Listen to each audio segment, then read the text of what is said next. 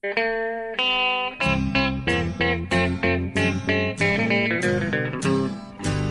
out there, we're on the air. It's hockey night tonight. Tension grows, the whistle blows, and the puck goes down the ice. The goalie jumps and the players bump, and the fans all go insane. Someone roars, Bobby scores at the good old hockey game. Oh, the good old hockey game is the best game you can name. And the best game you can name is the good old hockey game. Då så, hallå, hallå, hallå, hallå, hallå ska jag säga. Det är, då ska, ni ska vara fantastiskt varmt välkomna. Det är ett nytt avsnitt av NHL-podden som är här. Det första för år 2015. Eh, och Bjurman sitter på ett blåsigt Manhattan. Du är varmt välkommen, men du får berätta vad som händer. Ja, tack. Jag, jag måste bara först fråga, satte du på inspelningsknappen? Det lät inte som du gjorde det. Ja, jag kom igång väldigt snabbt där och, och, och, men det gjorde jag faktiskt. Jag har lärt mig det nu. Det, jag är helt eh, fläckfri där. Ja. ja, vad fint. Jo, eh, det kan vara lite störningar i ljudet här från New York för jag sitter ju då på 48 våningen som vanligt i mitt hus här och det blåser väldigt mycket idag och det lär höras i mikrofonen. Jag är visserligen inomhus men eh, amerikansk byggnorm är som den är så det hörs i fönstren. Men eh, bortsett från det så är allt som vanligt och bra och så. Det gungar inte lite sådär... Eh, nej, det var under... Nej, då, då skulle det till kraftigare vindar. Det var under eh, Sandy det. Ja, just det orkanen, då var jag sjösjuk uppe i, här i vardagsrummet. Det, det var så? Det är faktiskt sant. Jag satt och skrev och rapporterade live om, om ja, just det. stormen och hur, i så här, vad heter det, en chatt hade vi. Ja. Och plötsligt, jag var så inne i det så, men, så efter ett tag märkte jag plötsligt, fan vad illa jag mår. Jag förstod inte riktigt varför. Men så reste jag mig och förstod varför. För då gick knappt att, gick knappt att stå här. Nej. För att det, hela huset svajade så mycket. Eh, så att, eh, ja, så vart det. Ja, just. Ja, så illa är det inte idag. Nej, det låter ju trevligt. Det, det är bra i alla fall. Ja, ja. Men eh, du, hur, hur, hur, firar du in det nya året? Det gjorde du ju såklart eh, borta i, i Washington. Precis. Nationals Park. Ja, för själva nyårsafton blir som vanligt alldeles stillsamt då eftersom jag i allmänhet ska upp på morgonen och gå på, på Winter Classic. Så jag gjorde ingenting på själva nyårsafton, så tittade på TV. Men sen så var det då eh, eh, Winter Classic-match mellan Washington Capitals och Chicago Blackhawks på Nationals Park. Mm. och ja, det var väl ungefär som vanligt det.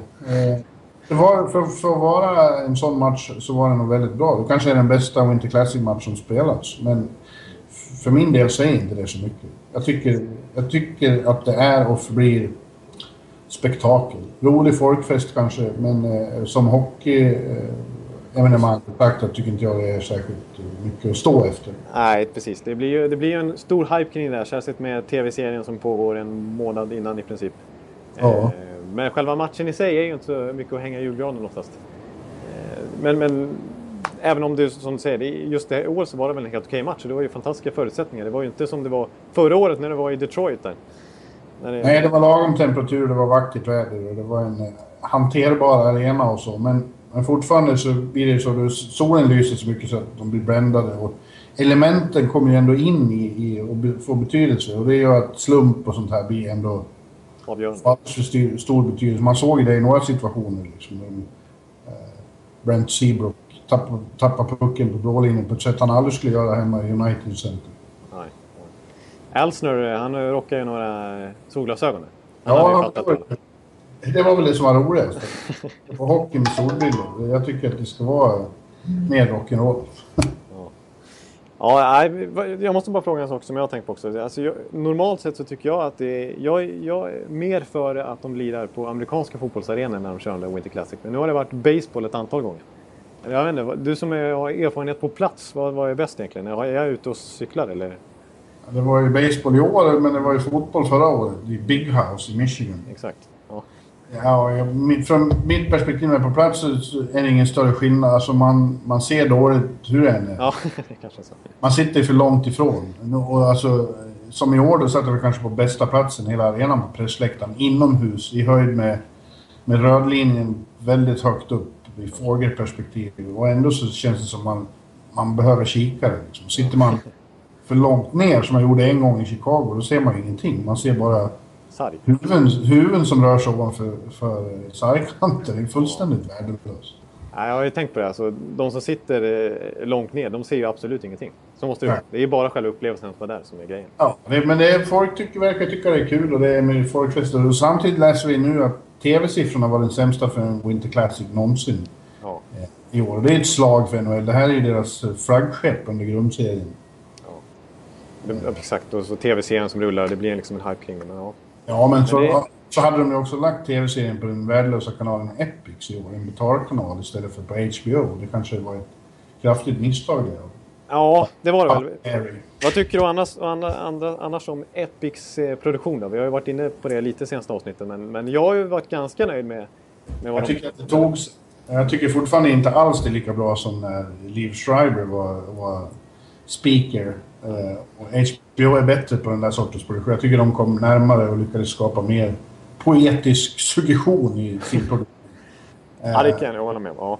Ja. Eh, Men det, det var, tog sig när man kom, fick ändå komma rätt nära. Och vad jag tycker, vet du vad jag tycker är väldigt intressant är ju... Eh, eh, när man hör coacherna. Alltså en sån som, som Barry Trotz i, i, i pauserna på träningar så. Det måste ju vara att han bara spelar. Han kan inte bara stå och prata såna här klyschor jämt.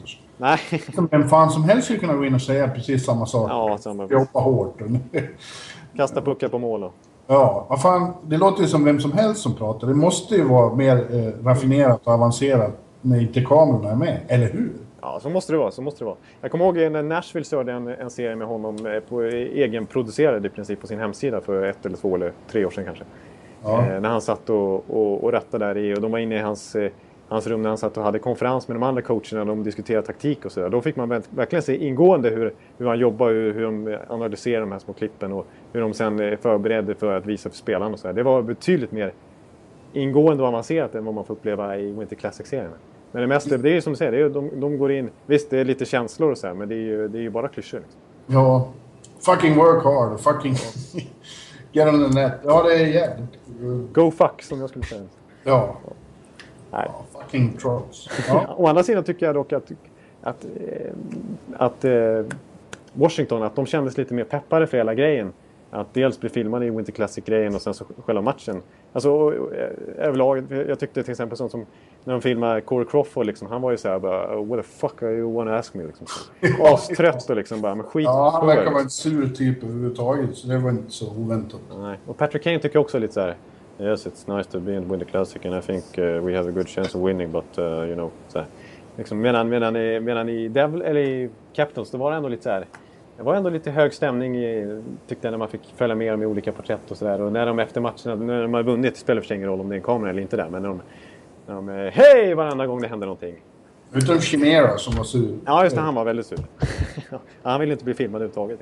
Men Quenville verkar inte ha något emot att ha kameror med sig. Nej, han, han fick man en väldigt eh, trevlig bild av liksom trots då.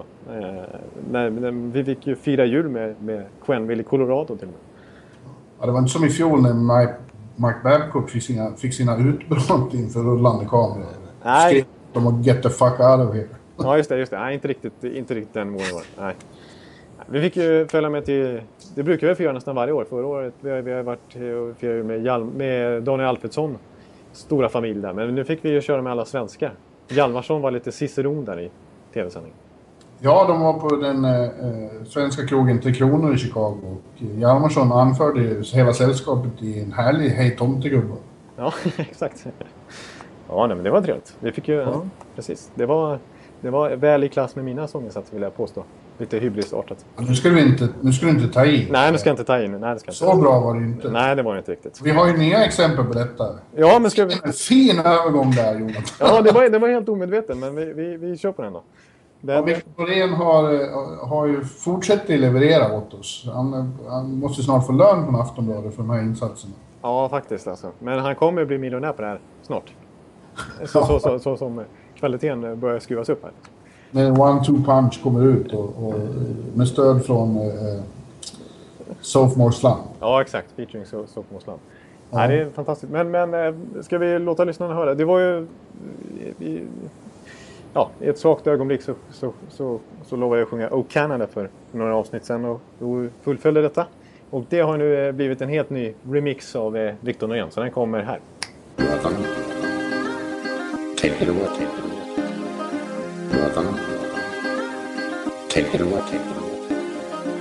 And everybody at home, please remove your hat, stand up, stand up, stand up, stand up. And everybody at home, please remove your hat, stand up, stand up, stand up, stand up. Oh Canada,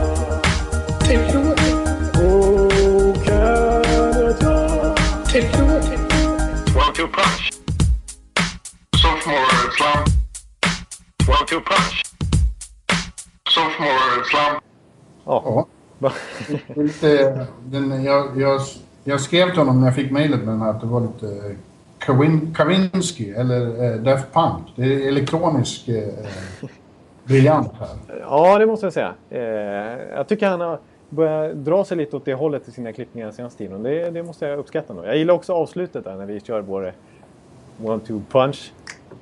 Sophomore slump. One two punch.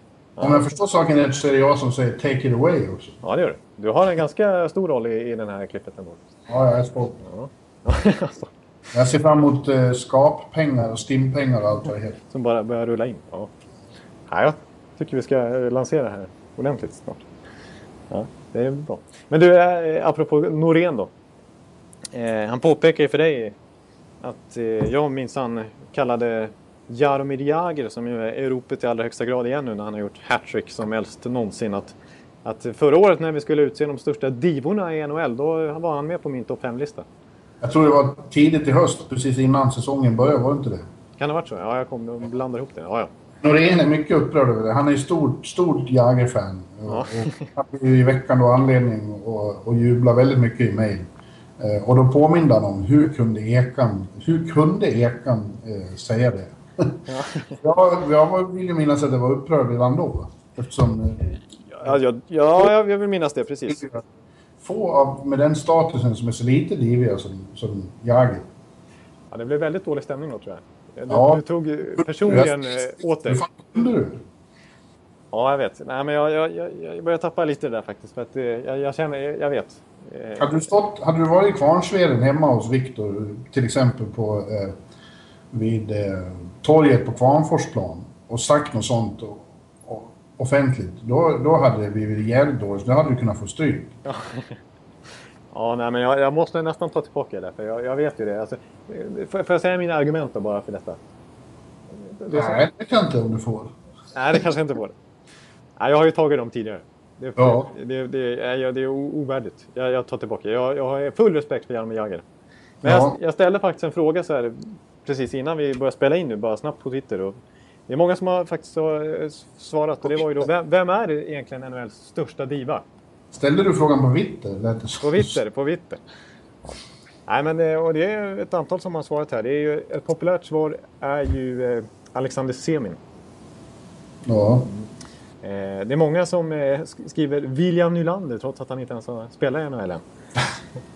Jaha. Ovechkin eh, är en. Sen är det folk som försvarar Ovechkin också och säger att det är bara för att han är ryss som folk anklagar honom. Det är en eh, sympatisk, skön och som börjar bli mer och mer av en lagspelare också. Men vad, vad menas med diva? Ja, men det är ju oklart. Det var ju en väldigt eh, diffus eh, motivering av mig. För jag skrev ju bara, vem är NHLs största diva? Eh, men det är väl... eh, Egoistisk och inte jobba hem tillräckligt mycket? Eller är det att man är en, en, en diva utanför plan? Jag vet inte. Nej, det- Inget stämmer in på Jagr alla fall. Ja, eh, nej. Ja, ja.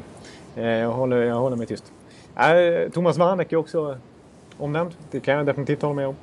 Eh, Gary Bettman himself. Eh, Nathan Kadri. Phil Kessel är det många som, som säger. Eh, vi har Taylor, Tyler Seguin.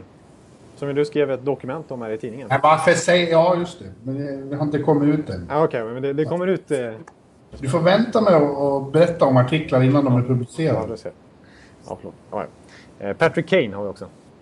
Ja, och sen finns det väl de som säger PK Subban. Ja, precis. Till och med eh, vår eh, Habs-vän Marcus Sim Ja. hävdar det. Även Marian Gaborik vi har en kille, Anton Larsen, som säger Jaromir Jagr.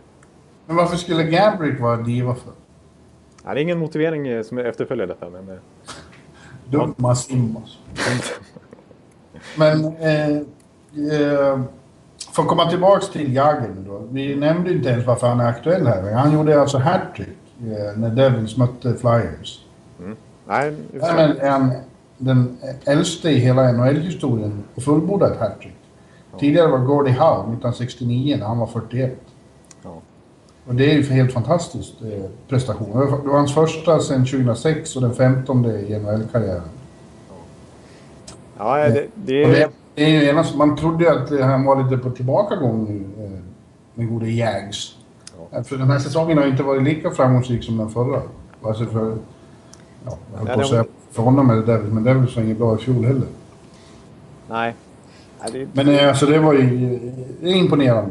Det får du väl hålla med om? ja, men jag håller med om. Jag har ju... Jag hatar det som, hatar det som du. Nej, men jag hatar absolut inte Jagger. Jag, jag, jag gillar, vi har ju pratat om Jagger tidigare under säsongen och, och hyllat honom, hans enorma träningsvilja och hans, eh, ja, hans kärlek till hockeyn. Och att han själv eh, gärna håller på till han är 50 liksom. Det har han Ja. ju uttalat sagt liksom. Eh, Och visst, poängmässigt har det väl absolut inte stagnerat. Han gör ju fortfarande mycket poäng eh, utöver det här hattricket som han slog till med. Eh, men som sagt, som du säger, den här säsongen har väl kanske en liten nedgång sådär. Men inte så tydlig ändå. Han spelar ju ändå ett Devil som, som han själv nästan får bära lite grann. Ja. Ja, vi får se nu då. Alltså, nu, precis innan vi började spela in där så läste jag att eh, självaste Jacques Lemaire är och övervakar dagens träning i New York. Så det kan... okej, okej, okej. Pappa Jacques är på väg tillbaks en gång till. Han är Ja. väl 80? Ja, shit alltså. Det, det, det, det, säger ju, det passar väl i New Jersey där- där eh, ålder, snittåldern ungefär är samma.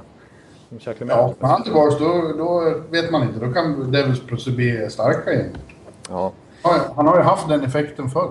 Ja, absolut. Och det är ju en, eh, en, en coach som ställer väldigt hårda krav, precis som Lula Moriello. Eh, och har en, förespråkar en defensiv... Alltså det, det som New Jersey står lite grann för.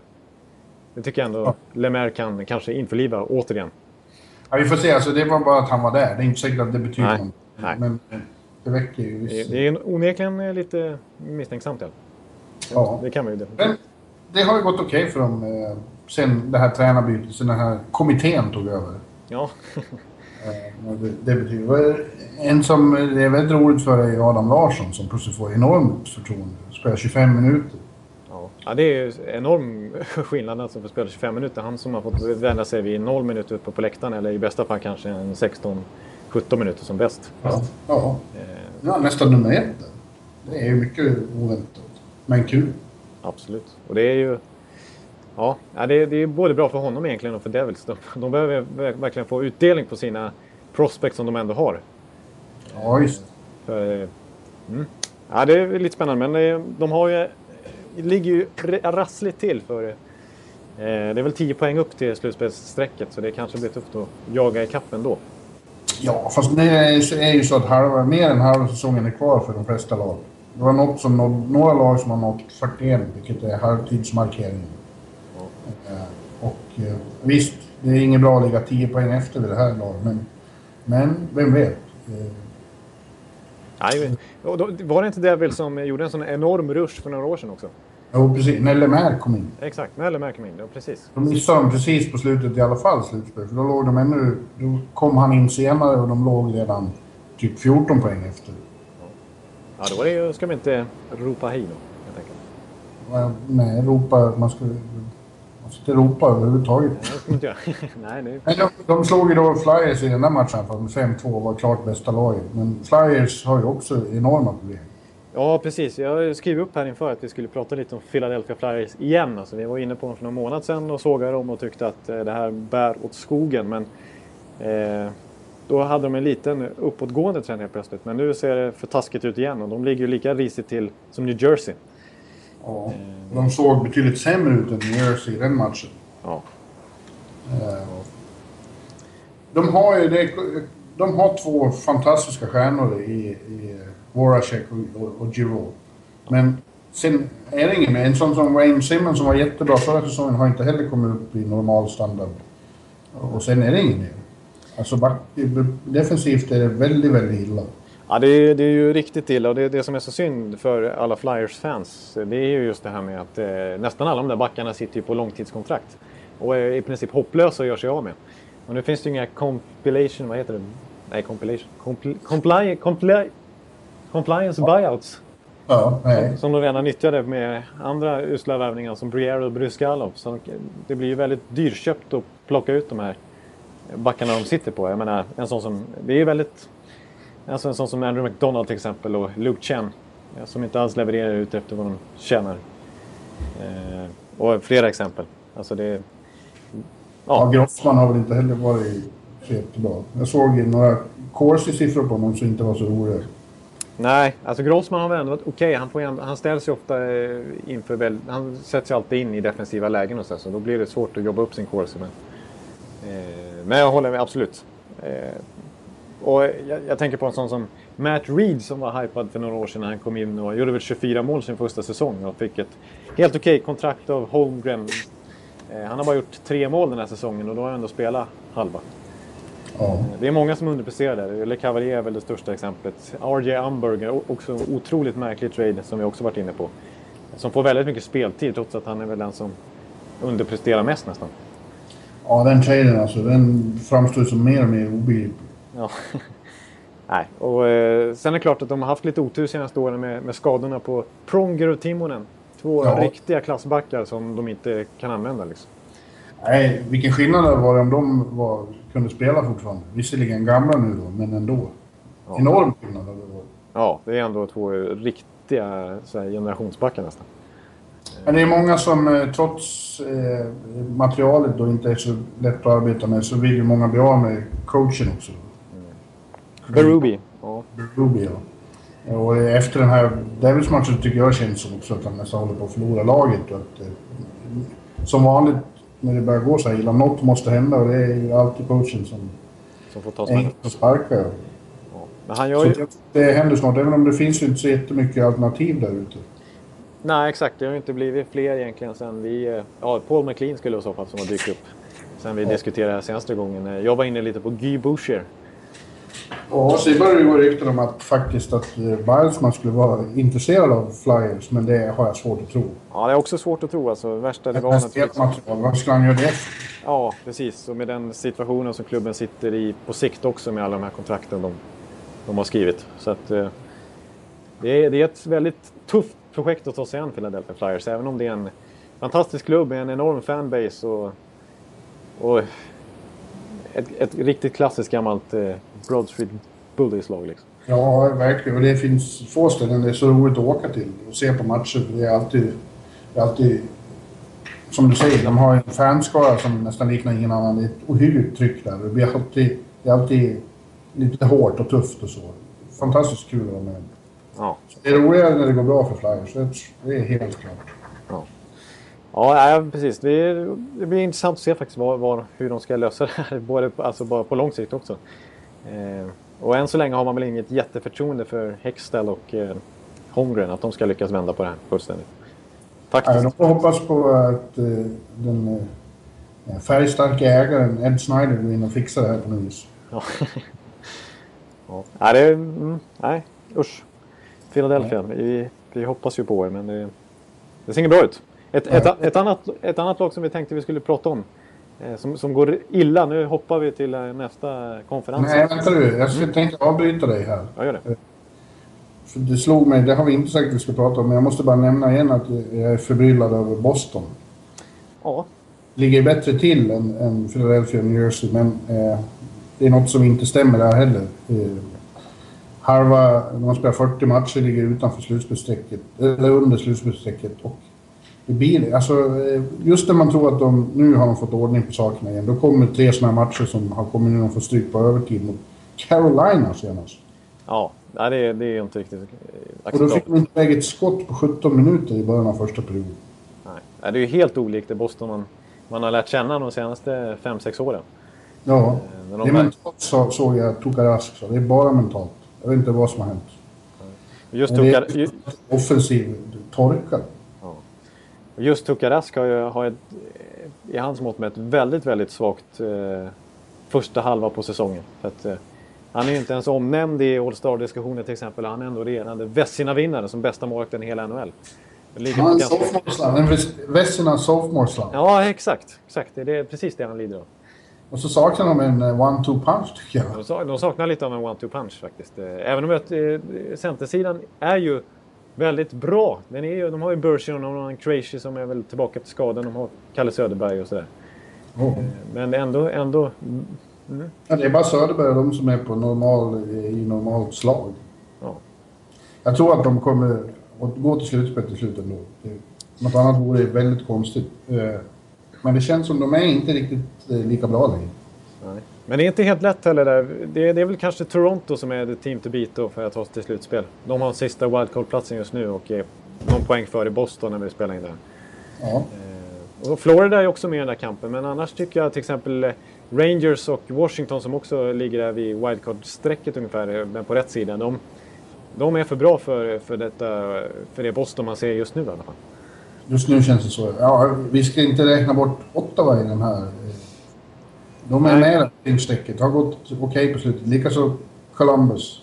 Eh, Ja, det, det jag vill säga om Columbus då, det är, det är, det är ju att de, det, som säger, de har gått otroligt starkt på eh, senaste tiden. De har inte bara gått otroligt starkt, de har gått versalt otroligt starkt faktiskt. De har ju, sen november har de ju knappt förlorat. De har ju, jag tror de hade, eh, ja, när- i slutet av november så var de 12 poäng från slutspel.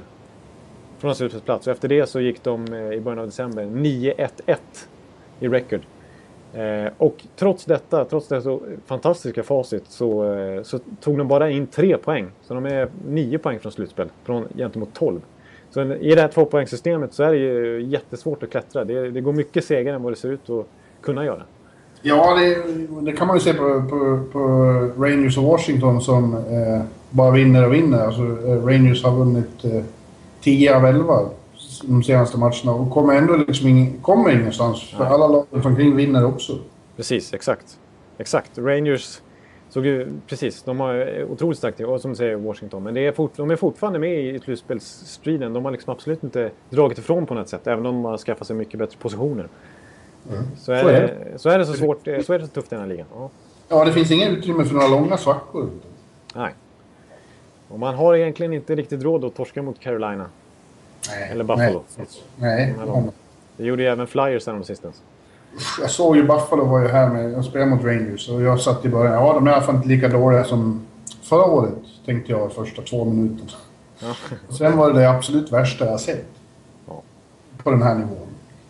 ja, De var ju, var ju, det såg ut som ett AHL-lag. Mer eller. Ja, nej, de, har, de har helt tappat det igen nu. De, de såg ju, som vi snackade om eh, i början av december, liksom, att de hade en ganska bra trend ändå. Senast, Ja, de var, ett tag var de fyra poäng från slutspel. precis, så de, ja, bara fyra poäng från slutspel. Och de var ju, kollar man tillbaka en, en månad i taget så hade, låg de, hade de legat i toppen av tabellen. Eh, och vi kände ju att det här är ju vänt mentalt för dem också. Ja, istället var det tvärtom. När det, när det blev lite... Eh, Framgång. när de fick hopp och kanske det väcktes någon liten förväntning, då sprack det igen. Ja. Nu är det 14 poäng upp. Ja, det är helt kört. De är ju tillbaka i Conor McDavid-tröja där i Ja. hemma, hemmaarenan. Eh, ja, nej. Det, är- det är tyvärr Buffalo Sabres. Jag såg ju dem mot Tampa Bay såklart eh, härom natten. Också otroligt svag insats. De sköt 11 skott inför sin hemmapublik på 60 minuter. Förlorade med 5-1. Så att eh, de har gett upp. Tror jag. Ja. Eh, men, men nu kommer övergången då till Minnesota Wild. Till, till västra konferensen. Till västra ja. konferensen, precis. Jag, för Minnesota Wild har ju rasat ihop ordentligt och det jag tänkte säga då det är att deras målvaktsspel är ju inte att lita på just nu. Eh, och det har faktiskt varit lite rykten om eh, Jonas Enroth. Ja. Vilket i och för Det sig... var roligt för honom om han fick komma till ett bra lag. Mm. För de är ju egentligen bra, Minnesota. De är ju egentligen bra, precis. Jag har ju hyllat dem som en contender inför säsongen. Ja. Eh, nu är det ju dock så att Elliot Friedman på Sportsnet, han har ju försökt, eller han har ju förnekat det. Han har ju hävdat att han har pratat med båda, båda klubbar som förnekar att eh, kontakt angående Enroth. Men eh, det låter inte orimligt med tanke på att Enroth är en unrestricted free agent i sommar och eh, naturligtvis i en, ett jagat villebråd på målvaktsmarknaden redan nu. När nu Buffalo dessutom med all sannolikhet då missar slutspel. Men, men vad har hänt med Minnesota egentligen? Vi, vi, jag, jag tokhyllar ju dem i första avsnittet också. De började så otroligt bra. De hade ett lätt schema i början och spelade minst av alla lag och var utvilade inför varje kväll. Men, och vann och vann och vann. Men nu har de förlorat och förlorat och förlorat istället. Ja, jag ser dem inte lika ofta som det känns som att du ser dem. Du sitter och hyllar såna här som Scandella hela tiden. Ja, han var ju med i mitt All-Star-lag förra veckan. Ja, precis. Eh, så att jag, jag har sett för lite av Minnesota för att kunna ha någon bestämd uppfattning om vad som har hänt. Men... Eh, ja, säg du. Ja, det, de, de säger själva att de nådde rock bottom här eh, alldeles nyligen när de, när de åkte till Dallas. En ett viktig match. De båda slåss ju där i, i vassen om en slutspelsplats i, i västra konferensen. De ligger ju 2-3 poäng ifrån båda två. Eh, den duellen vann ju Dallas med 7-1. Ja, Fullständig överkörning och till och med Minnesota-spelarna sa att det, det borde ha blivit tvåsiffrigt med normal utdelning. Dallas var fullständigt överlägsna. Det var spel mot ett mål. Eh, samtidigt som Darcy Kemper som fick, eh, stod i kassen inte alls var bra. Han har ju blivit utbytt otaliga gånger den här säsongen. Eh, och Niklas Bäckström som har haft lite skadeproblem. Det har ju båda målvakterna haft egentligen. Har inte heller stått att känna igen. Han, han är ju på nedgång i sin karriär utan att tveka. Eh, Josh Harding, vad hände med honom då? Ja du, också väldigt oklart alltså med hans... Han fick ju ganska nyligen eh, åter... Han fick väl hyfsat nyligen i alla fall eh, litet återfall i sina MS-sjukdomar. Eh, det känns ju väldigt osäkert kring honom och han blev ju avstängd i början av säsongen efter att ha hamnat i bråk med en lagkamrat. Ja, just det. Så att eh, det känns ju inte som räddningen för dem heller, tyvärr. Så att det är, det är, de, tol, de, de, de kikar ju på, på trademarknaden efter en keeper redan nu. För att de har en, i allra högsta grad chansen att gå till slutspel fortfarande. De är ju på intet sätt avhängda och de ju en och annan skarp eh, mellan varven som, som imponerar och så ger, ger hela Minnesota hopp. För att de har ju ett väldigt, väldigt bra lag på pappret. Men det är, Mm, men det är många som underpresterar där. En kille som, som några av er lyssnare nämnde som en av de största divorna i NHL, Thomas Vanek, har ju bara gjort 6-7 mål hittills på när halva säsongen är gått. Och han värvades för att kunna göra en 30-40 mål den här säsongen. Inte i närheten av. Man, man trodde att när han äntligen fick eh, komma hem då till Minnesota, vilket det har varit hans mål och förhoppning i flera år, eh, att, eh, att han skulle slappna av och bli sig själv igen. Men det börjar kännas som att Thomas Vanek är på nedgång helt enkelt. Ja, precis. Och det, det tycker jag ändå är lite oväntat. Alltså, man var ju inte... Han skä- skämde ut sig lite i OS där när han gick och festade och grejer. Och han gjorde inte bra reklam för sig i slutspel med Montreal. Men, men annars gjorde han ju en bra säsong i fjol. Alltså, han, han började ju rätt bra i ett Buffalo som gick uselt. Och han fick ju en väldigt, väldigt bra kemi med Tavares i New York Islanders. Så de var ju beredda att ge honom ett rejält kontrakt för att förlänga det där avtalet. Men han Ja, ville ju inte spela... Nej, På Long Island. Ja, så att... Eh, eh, ja, det är en, vä- en väldigt snabb liksom, eh, skiftning i hur man ser på Thomas Vanek. Ja. Men du nämnde ett annat lag där som de fick stryk mot då med 7-1. Och de är desto starkare nu. Eh, och det är Dallas då. De såg jag, har jag sett desto mer av på slutet. Inklusive en match natten innan vi spelade in det här. När de eh, spelade mot Chicago. Det var en jävligt bra match. De fick väl stryk slut på, på övertid då, men eh, imponerar väldigt mycket. Det, och det känns som eh, en bra organisation Dallas Stars. Alltså det, de fick den här eh, tunga starten men eh, general managern Jim Nill och eh, eh, coachen Linderuff, de har tålamod. Eh, och jobbar metodiskt för att komma tillbaka. Så nu, nu är det en riktigt bra lagmaskin igen känns det som. Ja, precis. Eh, de, de har, om jag inte minns, eh, om jag inte säger fel, men jag tror de har åtta vinster på sina senaste tio. Ja, Och jag verkligen. tror att det kommer att gå till slutspel. Det kommer att bli otrevligt att möta för den som får lov att göra det. Precis, och de har ju... Det som var lite problemet för dem i början av säsongen, det var ju... Det var absolut, det var ju det var lite som Phil- Philadelphia på ett sätt. att Det var egentligen bara två spelare, i alla fall en spelare som levererade ordentligt. Det var ju Tyler Seguin som Ja. fortfarande i allra högsta grad är med i poängliga-toppen och leder NHLs skytteliga. Jamie Benn har ju varit grym sista månaden också. Eh, Och de sitter, de sitter ihop fortfarande. de sitter ihop, exakt. Men nu börjar även ja, hela laget producera och verkligen... Nu börjar, som säger, nu är de en lagmaskin igen. Ja. Vi- vi såg och sen ju- Kari Lehtonen varit helt fantastisk i målet också. Ja.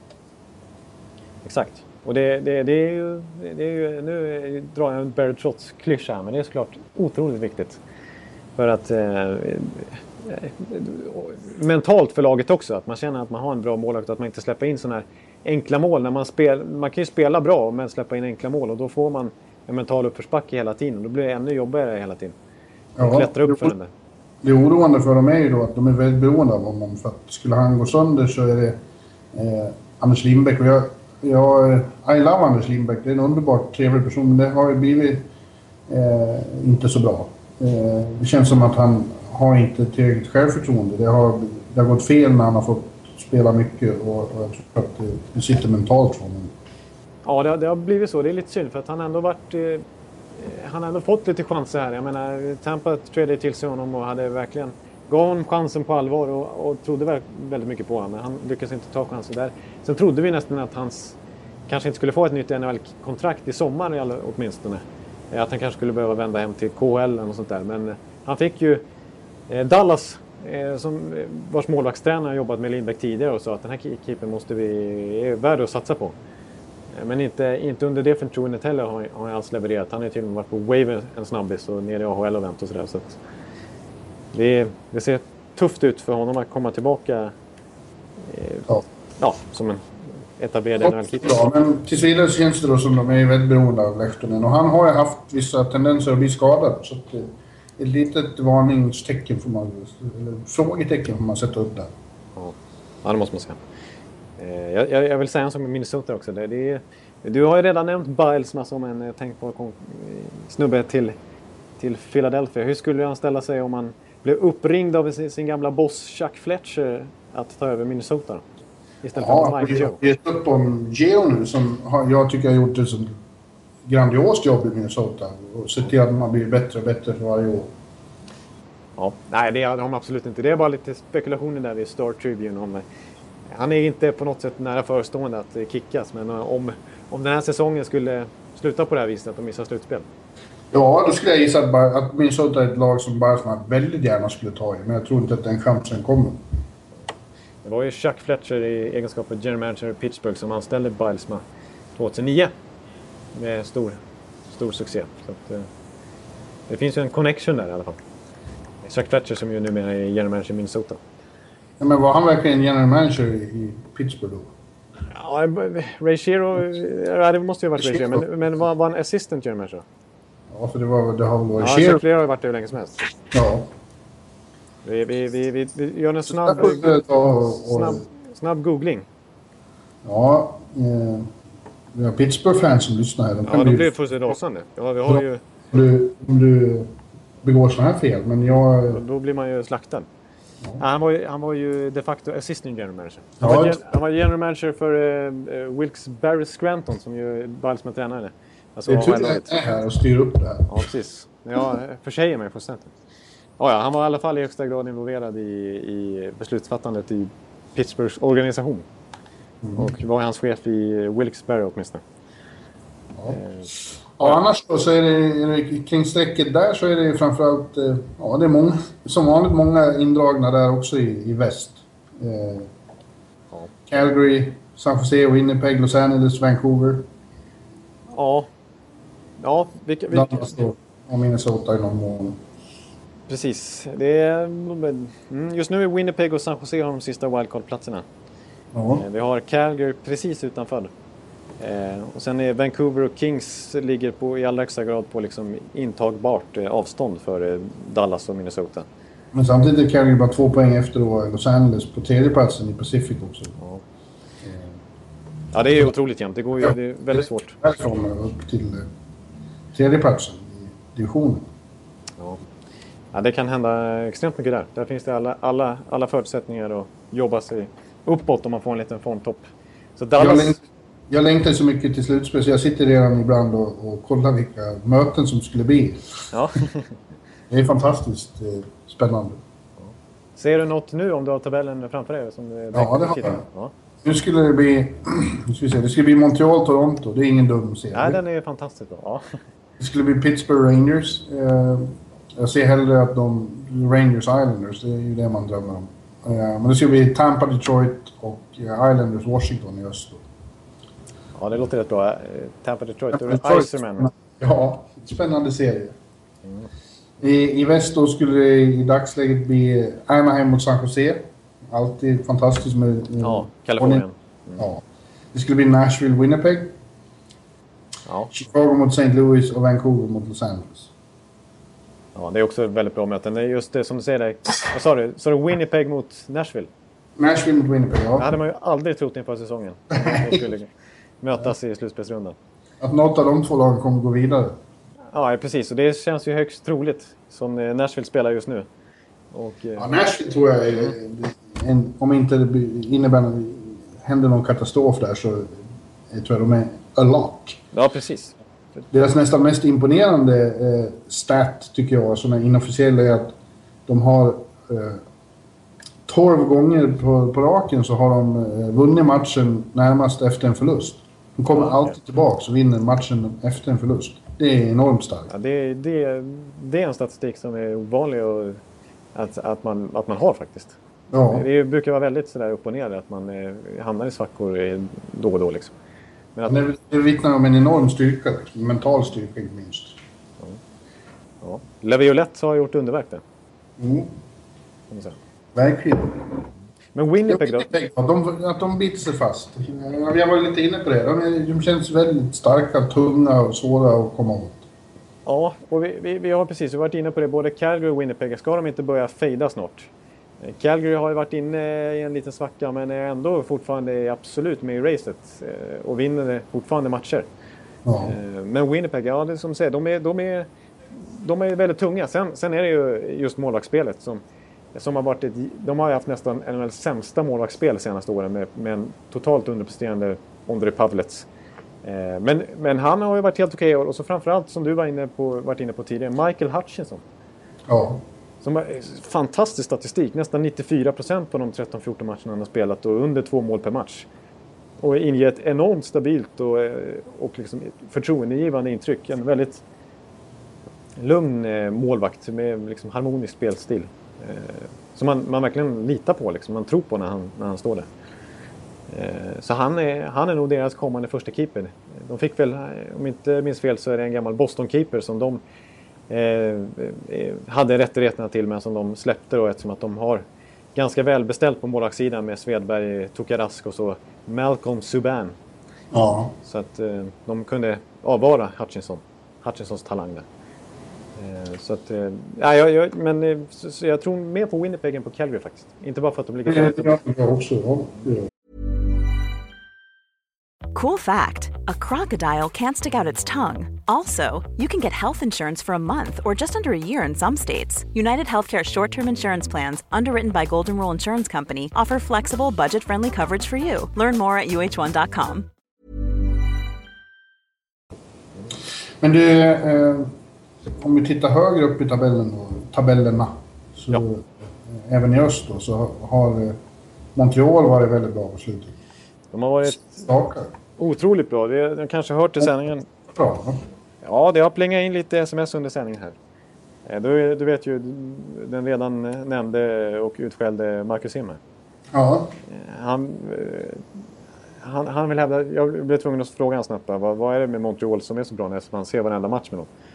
Eh, Carey Price är det stora anledningen säger han. Eh, och precis som, som förra slutspelet framförallt, deras transition game.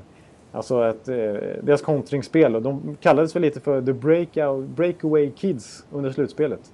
Eftersom de gjorde så otroligt mycket mål på kontringar och frilägen. Så. Det sved inte minst i Tampa. Nej precis, de gjorde hur mycket mål som helst och bara ställde om så fort vi gjorde ett misstag. Och så Matt Carl var rundningsmärke och sen så... Ja, det var inget kul. Men, Men eh, ja, mitt intryck är också, eh, det jag sett av dem, att eh, de eh, just har blivit väldigt mycket lag igen. Att det rullas runt och att alla, alla bidrar på alla, på alla, från alla positioner. Ja, det, det är verkligen så. De har, det är som, som vi varit inne på tidigare, att de har fyra kedjor de kan nästan luta sig mot. Eller som i alla fall bidrar framåt. Och väldigt bra på backsidan också, då Carey Price längst bak. Så att, omgång 37 så orkar de verkligen pinna på och, och ha flera som kan kliva fram. Liksom det, Omgång 39 till och med för deras del. ja, för deras del, precis. Sitter med tabellen framför mig. Ja. Ja, men sen, sen, sen är det ju intressant också att, att Galchenyuk till slut har, har flyttats in som center. Han har ju varit ytterforward hela tiden, men han är ju precis som William Nylander att han vill, han vill minsann spela center. Det är där jag ska spela.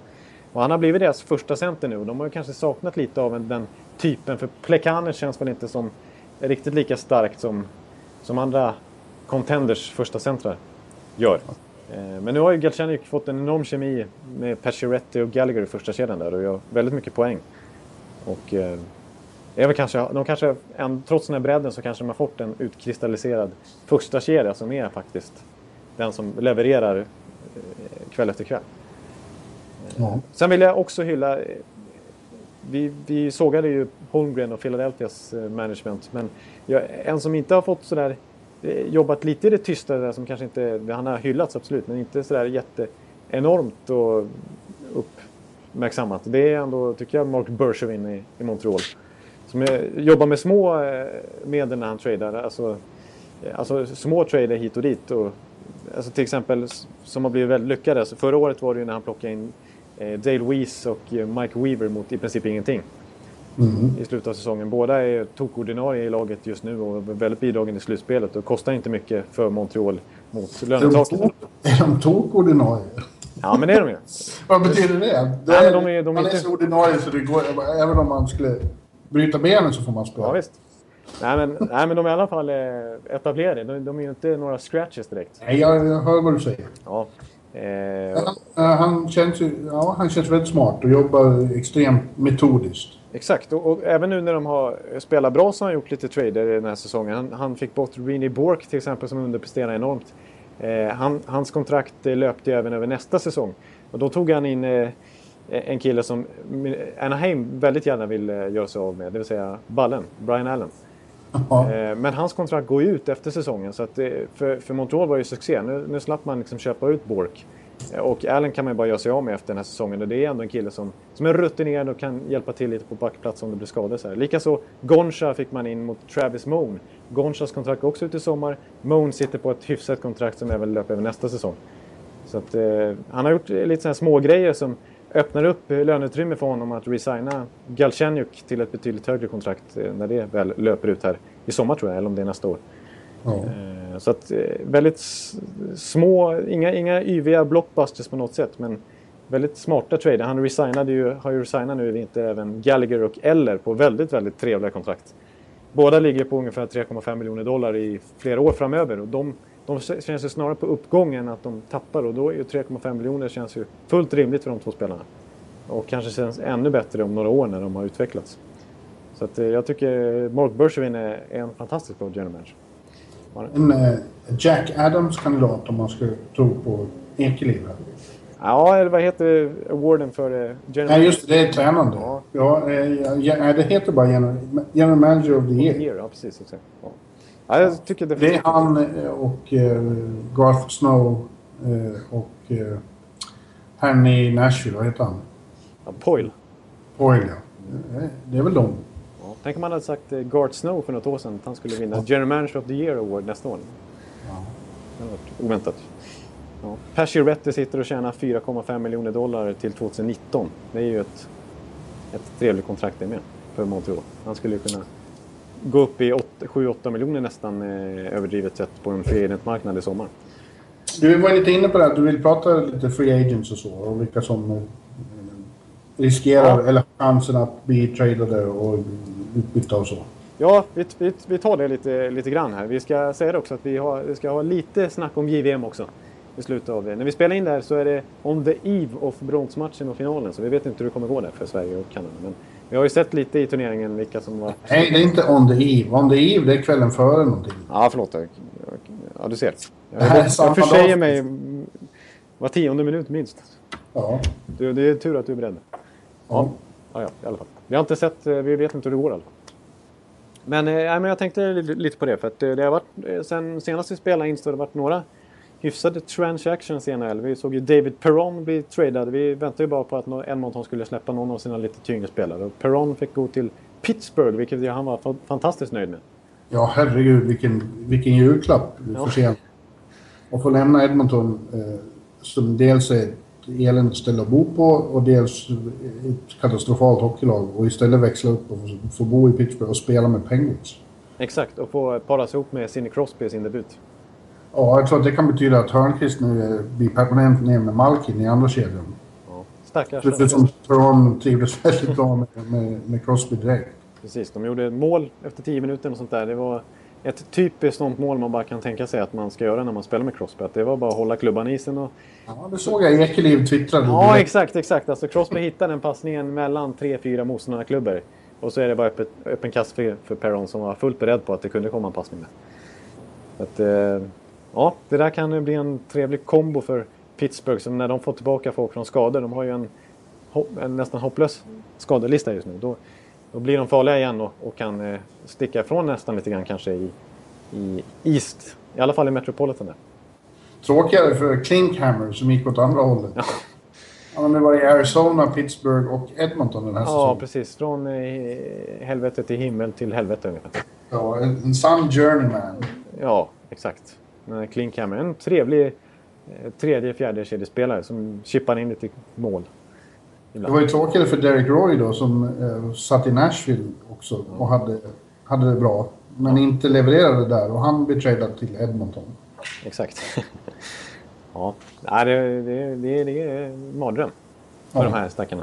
Eh, De har ju skickat tillbaka nu Leon Draisaitl till slut också.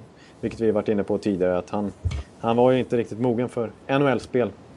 Eh, Så att han får börja om lite i WHL som det heter. Eh, Ja. Men du, vad tror du i övrigt då? Vad, vad kommer det? Vad, vad kommer vi få se för spelare röra på sig?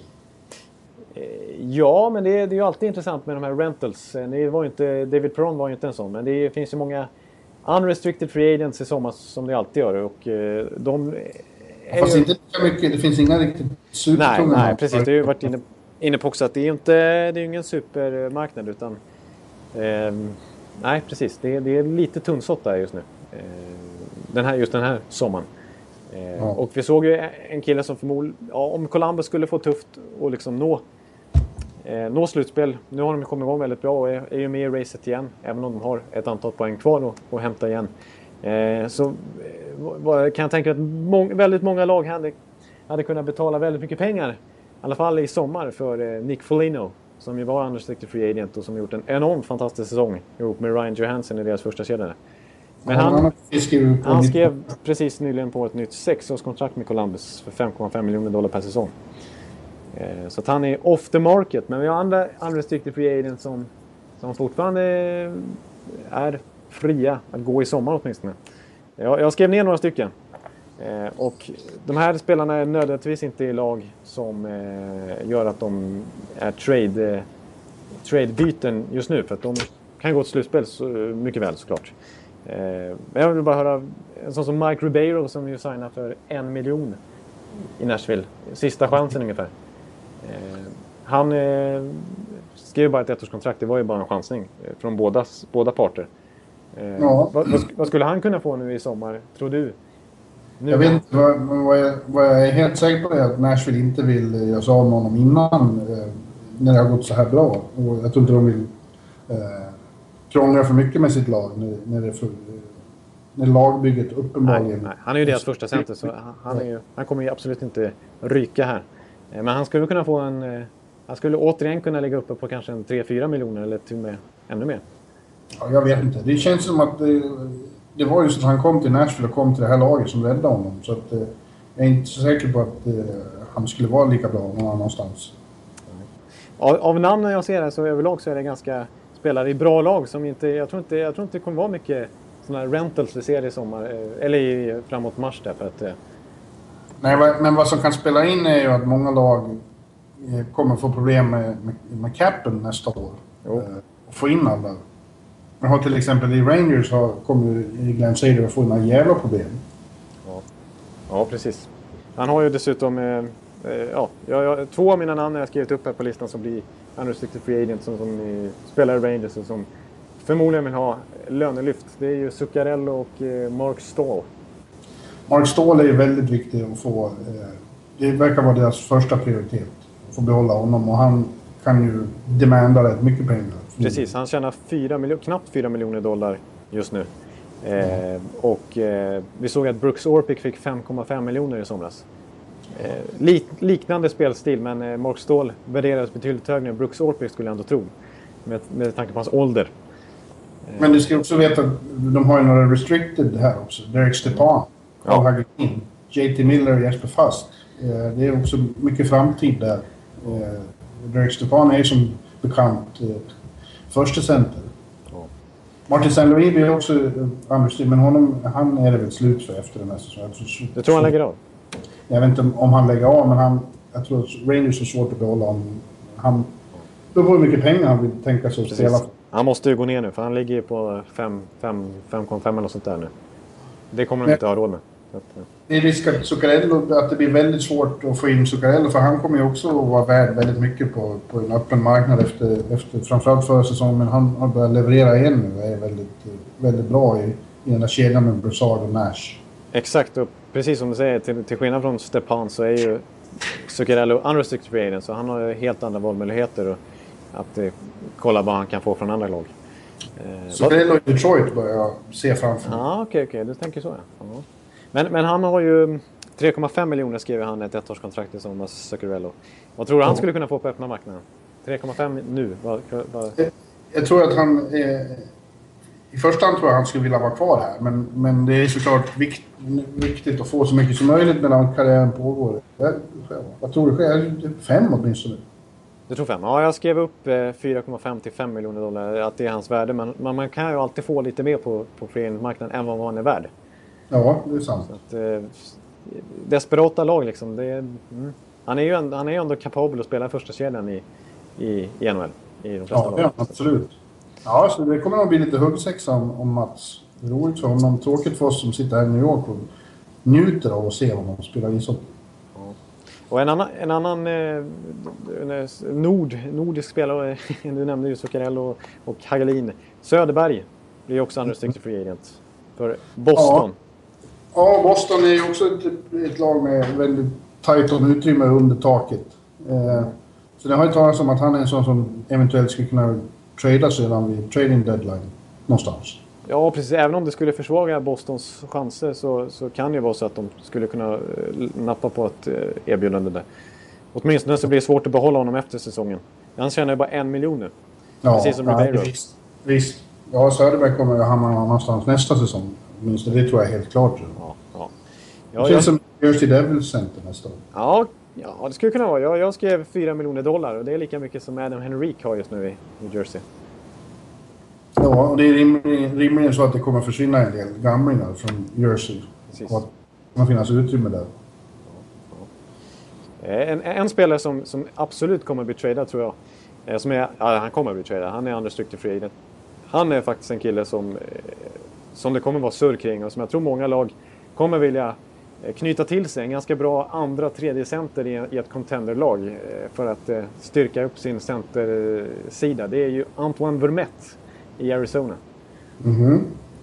Han Ja, leder ju deras poängliga, han leder deras målliga och assistliga och allt möjligt. Och är ju en tvåvägsspelare i grunden. Så att, eh, mm, han, ja, det är kanske det. Mm. Jag tycker redan surras lite om, om eh, östlagen hör av sig till Arizona där. Montreal har faktiskt hört av sig. Eh, eller det ska, kan inte jag bekräfta såklart. Men eh, det, det är surr om, om fler, flera lag i öst. Som, Rangers kanske? Mm, Ja, möjligt. Han, tjänar ju, han har ju 3,75 miljoner den här säsongen. Eh, jag tror faktiskt att när han sen går ut på den öppna marknaden, oavsett vilket lag han hamnar i, så han skulle nästan kunna, med tanke på eh, den hyfsat starka säsong han gör nu i alla fall, så skulle han kunna komma upp i 5 miljoner dollar. För jag tycker han är ganska lik, likvärdig med andra eh, liknande centra som Filppula och Filppula Tampa Bay också 5 miljoner dollar, liksom Brian Little i Winnipeg. Ungefär den nivån. Så att, eh, och kanske lite ytterligare då eftersom att free agent-marknaden blir nästan galnare och galnare för varje, varje sommar. Ja. Ja. Sen har vi Johnny Oduya, vår, svenska vän i Chicago. Hans kontrakt går också ut. Ja, precis. Och Och det, där finns det ju... De har ju... Det är som vanligt, man har nästan svårt att förstå hur Chicago får ihop allting. ja, exakt. De har ju konstanta problem och tvingas ju göra om ganska successivt hela tiden i laget för att få plats med alla, för att kunna behålla alla sina storstjärnor. Nu, är, nu har ju fortfarande inte Patrick Kane och Jonathan Taves kontrakt kickat in än. Som är de största. 13,8. Exakt. Enorma kontrakt, alltså överlägset störst i NHL. Ja. Sätter en ny standard för de här stjärnorna när, de, när, när fler stjärnor ska skriva kontrakt. Efter måttstocken. Sharp och, Sharp och Hosa och, och, och Seabrook och Keith och Hjalmarsson på ett stort kontrakt. Eh, ja. Det är synd att det. Och, och så Crawford har ju stort kontrakt också. Ja, precis. Var det surr om att eh, Sharp eh, är väl den som ligger rissigast till att kunna bli tradad av de där storstjärnorna? Om de ska tvingas offra någon till slut. Och Brent Seabrooks kontrakt går ut om två år tror jag. Ja, precis. Men ja, snacka om vilken, vilken huggsexa det skulle bli om Sharp om han blir tillgänglig. Ja. Oj. Och likaså Men Seabrook. eh, det känns väl nästan klart då att Odoja kommer inte, de kommer inte kunna erbjuda Odoja nytt kontrakt. Utan de kommer att satsa, få lov att satsa på yngre killar som Lundblad och Eriksson. Ja, exakt. För att, eh, det beror på hur Odoja prioriterar. Men han har ju ett marknadsvärde, skulle jag tro, med dagens backmarknad på kanske 4 miljoner dollar eller sånt där. Ja, Eh, herregud. Eh, Då, då, kommer- då finns det ingen chans alls. Nej, precis. Ju- Just nu tjänar han 3,4 miljoner dollar. Det var ganska saftigt redan nu för, för, för Chicagos... eh, 2,8 om jag får Ja, okej. Cap, cap hit på 3,3, just det. Okej. Mm. Eh, så att, eh, då ska han göra en enorm hometown discount och signa för kanske 1 och 5 eller något sånt där. Men det, det, det är inte säkert att han gör det, naturligtvis. Han måste ju tänka på sig själv också. Men det finns ju såklart en stor marknad för honom. Ja, ja. I några år till. I några år till. Eh, absolut. Det är ju det är en väldigt stabil back som har varit med och, och byggt upp en, en vinnarmentalitet också i allra högsta grad. Detroit. Detroit? Ja. ja. Ja, Ja. precis. Det tycker jag lät helt rimligt. Nu har du föreslagit... Vilket backpar. Ja, du ser. Ja. Ja, det, det, vi ska inte gå in på allihopa, men det finns flera intressanta backar som spelar för sig i, i rätt hyfsade lag nu. Francis Beauchemin har bara 3,5 miljoner i Anaheim. Jag tror han kan komma upp i en 5,5. Brooks pengar. Eh, Cody Franson har vi ju. Vi har ju Mike Green i Washington. Ja. Eh, och en annan forward faktiskt, det är ju Justin Williams eh, i, i, i det lag som kanske har allra mest lönetaksproblem. Eh, Los Angeles Kings. Han tjänar bara 3,65 miljoner dollar just nu. Ja, men jag så läste någonstans att eh, de kommer överens om det här närmaste veckan. Eller så väntar de till efter säsongen. Okej, då... Mm. Precis. Ja, det har han och Lombardi eh, gjort klart. Ja, Ja, ju, det- han vill ju, han vill ju väldigt ogärna göra sig av med några av sina favoriter. precis. Det är tydligt det. Eh, han skriver väldigt långa kontrakt, den gode Lombardi också, när han väl får tag i någon. Ja. han gillar. Så att, eh, det där laget är ju nästan satt flera år framöver. Precis. Många grundpelare. Så att, Men blir de inte av med någonting på eh, Voinovs kontrakt om han... Eh, Jo, det är väl troligt. Att, att de, just nu är det ju en ju eh, motsvarande long time injury reserve. Tror jag han är uppsatt på. Men det kommer inte, ja, jag vet inte riktigt hur de kommer lösa det där. Men det troliga är väl att NHL kommer att eh, terminata hans kontrakt så att säga. ja. Och att han, eh, han försvinner från deras lönebudget också.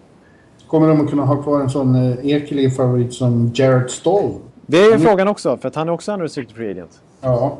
Och ju är erkänt NHLs kanske bästa tekare, i alla fall en av de absolut bästa.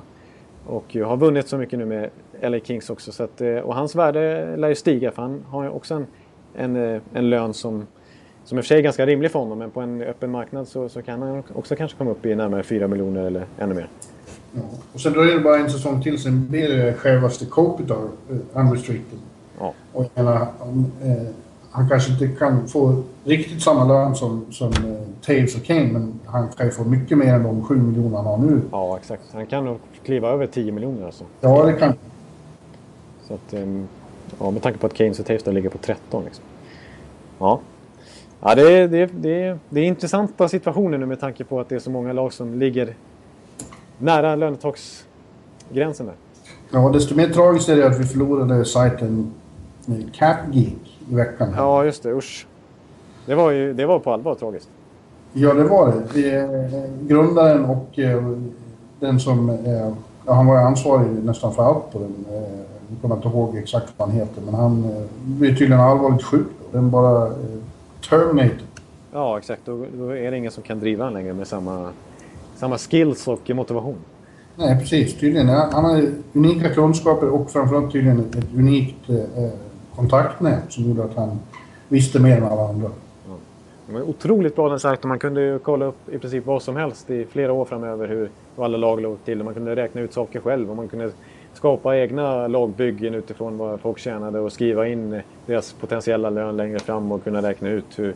Jag kan tänka mig att många general managers använder sig av den där sajten själva. Ja, det Det sades ju. så praktiskt. Ja. Det, det hävdades ju att de gjorde det.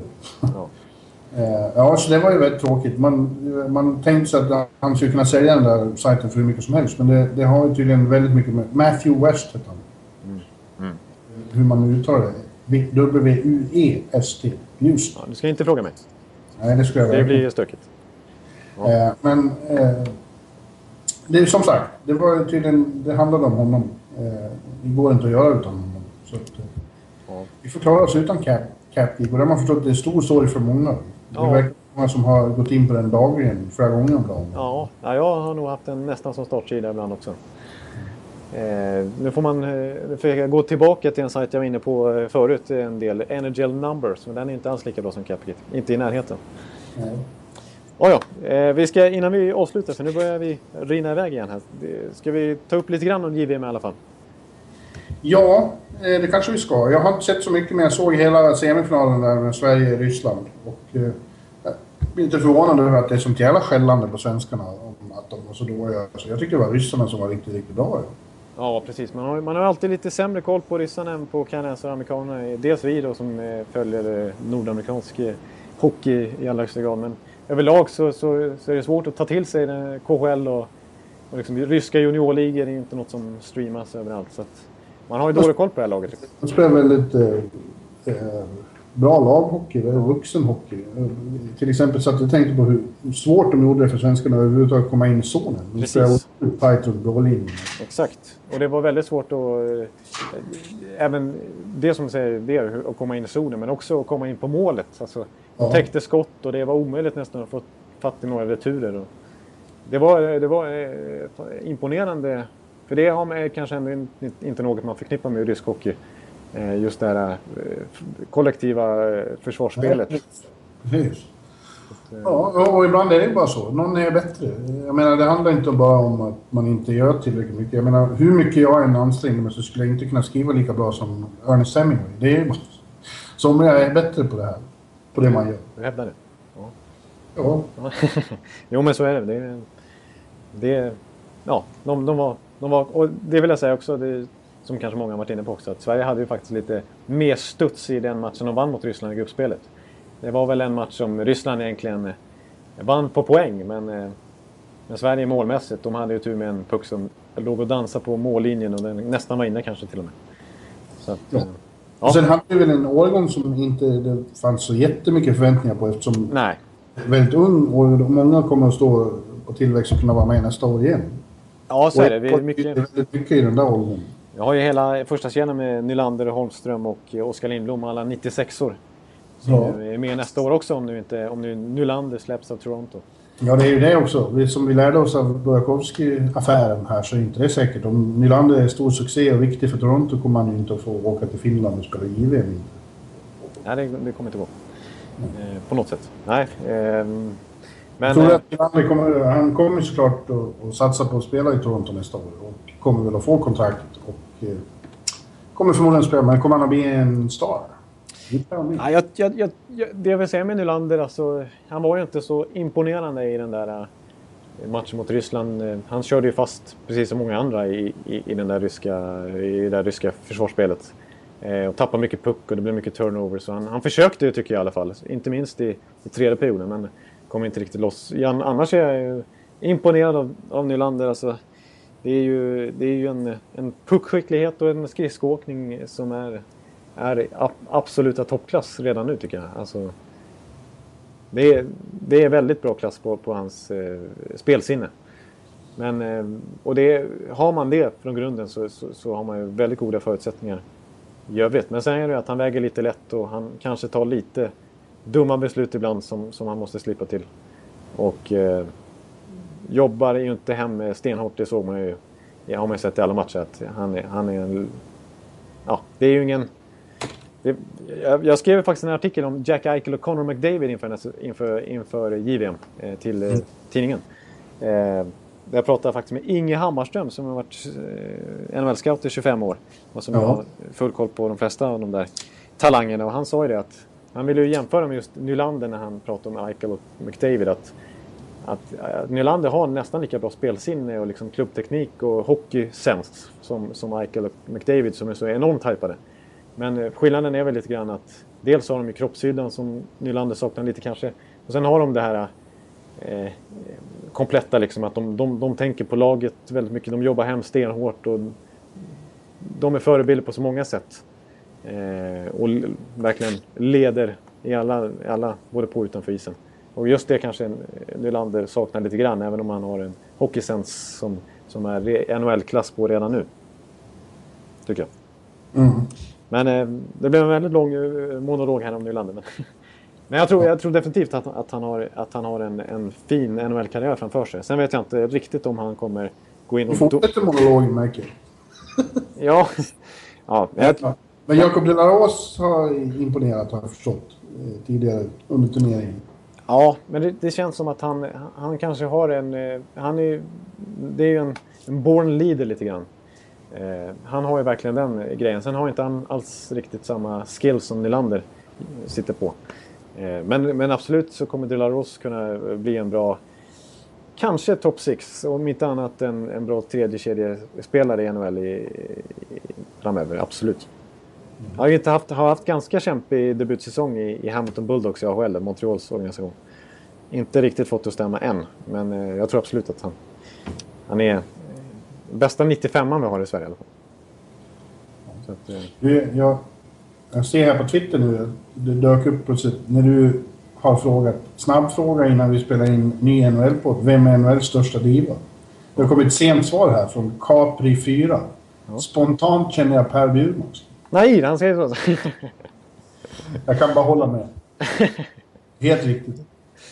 ja, nej, det, det, där ska jag kliva in till ditt försvar.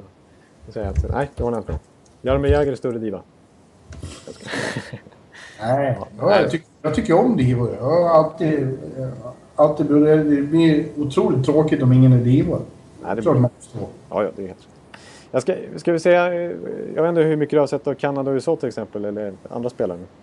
Nej, jag har, inte, jag har i princip bara sett eh, på den här matchen igår. Sen har jag bara sett lite highlights här. där. Eh, en spelare som har stuckit ut för mig eh, i övrigt, eh, en kanadensare, det är ju Nick Petan som gjorde, jag tror gjorde hattrick faktiskt mot Slovakien. Nu är det ju Slovakien, inte allra svåraste motståndare, men han är, jag är- jag har inte exakt koll på poängligan, men jag kan tänka mig, jag tror att han ligger, kanske toppar han till och med, i alla fall med väldigt mycket i toppen. Men Nick Petan, en liten kille som kanske var en liten halvskräll att han kom med i JVM. Bara 1,75 lång, påminner lite grann om min Tyler Johnson i Tampa Bay. Eh, väldigt, väldigt spelskicklig. Lite Johnny Hockey-snubbe kanske som Gaudreau där. Så, fantastisk ho- hockey sen, så ett otroligt bra skott har han ju uppvisat i den här turneringen. Snabbt skott. Draftad av Winnipeg. Det kan väl bli en perfekt eh, förstärkning för dem. Ja. Eh, överlag så har Winnipeg eh, har ju väldigt bra spelare i den här turneringen. Nikolaj Ehlers har ju varit dominant för Danmark. Som ju, Danmark har ju varit ett, lite av ett sensationslag. De eh, klarade klarar ju sig från, eh, från den här nedflyttningsmatchen. Eh, före Schweiz som ju var mer hypat eh, inför turneringen naturligtvis med Kevin Fiala till exempel. Ja, väldigt kul med Danmark. De har ju... Eh, jag, vet, inte- jag tror vi diskuterade det här förut, att det är lite speciellt att Danmark har ju då fem, sex spelare här i NHL medan Norge bara har en. Och, och ändå så är det Norge som har varit mer framträdande av de lagen på, på, i internationella turneringar. och Så. Det kanske håller på att svänga nu. Att man har ju av det då fått intrycket att eh, Danmark kanske har bättre spets och Norge bättre bredd. Men det här såg ju ut som att det var ett, ett, ett riktigt lag, eller hur? Ja, precis. Med stjärnor som Ehlers då. Exakt, och det, han var ju inte, fakt, han var inte helt ensam heller faktiskt. Utan eh, en sån som Oliver Björkstrand, eh, som är draftad av Columbus tror jag, också väldigt, väldigt bra. Då, stack, riktig standout i den här turneringen. Deras första kedja överlag där. Så att, och, eh, men jag håller med lite grann. Överlag så Danmark har ju klart bättre spets än Norge. Eh, sen om Ja. man kollar på SHL till exempel så är det betydligt fler norrmän skulle jag tro än vad det är danskar. Så bredden är bra i Norge men spetsen är ju riktigt, riktigt bra i Danmark faktiskt. Ja, här har vi Jannik Hansen och Frank Nielsen och Bödker och eh, Fredrik eh, Andersen. Andersen, ja. Ja, det kanske finns en ljus framtid där för, för, för våra Danmark. Ja. kamrater. Du har några, vad är vi, 46 va? Ja, vi är inne på eh, avsnitt 46 och då ska vi, det är ett ganska bra hockeynummer faktiskt. Jag, vet om du, eh, jag tror några lyssnare kan lista ut en, en riktigt bra nummer 46 här på uppstuds. Jag vet inte om du klarar av det här så här efter en timme och 13 minuters tjötande här. Nej, det kommer jag göra inte. David Krejci Ja. i Boston. Det är, det, är, det, är, det, är, det är bättre än vad du trodde som 46 kanske. Nu är vi uppe i de här tuffa numren. Ja. Jag var inne och tittade på din sajt där, där du hittar alla nummer. Så att jag, jag, jag är inte så imponerad längre. Nej, okej. Det var Ja. ganska enkelt att hitta. ja, nej. Eh, Jared Spurgeon har nummer 46 i Minnesota. Helt okej. Eh, Roman Polak i Toronto. Eh, en, en kille vi har fått lära känna i Winter Classic-serien är Michael Latta i eh, Washington. Eh, Patrik Wirkosh, eller Wirkosh, är otroligt svåruttalat namn i Ottawa, en offensiv back där. Eh, ja, sen så ska vi inte... Niklas Jensen, dansk, Vancouver. Men det är ju Crazy som är överlägsen. Han är överlägsen och han är nog överlägsen i historien också. Han får konkurrens här på en annan sajt jag är inne på när de eh, listar de bästa försöken genom tiderna. Eh, av Andrei Kostitsin. Ja. Men eh, då, då, håller vi nog, då håller vi Krejci högre. ja, det gör vi. Det är inget snack. Andrei Kostitsin som för övrigt spelar i Sochi, HC Sochi nu för tiden. Ja, där har du varit. Där har jag varit, ja. Ja, precis. Ja. ja, ska vi tacka för oss och, och, och, och eh, hör, säga på återhörande nästa vecka. Ja, hoppas vi det blåser lite mindre här då. Ja, just det.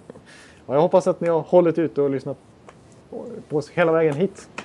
Eh, så kan vi önska er en fantastiskt trevlig vecka och så får ni ha det så fantastiskt bra. Kul att ni hör av er på Twitter med förslag och, och på ämnen och på eh, vilka som är den största diven och så vidare. Det är kul. Tack och bock! Tack och bock. Hej! Hej! Oh, take me where the hockey players face off down the rink. And the Stanley Cup is all filled up for the champs who win the drink. Now the final flick of a hockey stick and a one gigantic scream. The puck is in, the home team wins the good old hockey game. Oh, the good old hockey game is the best game you can name. And the best game you can name is the good old hockey game. Oh, the good old hockey game.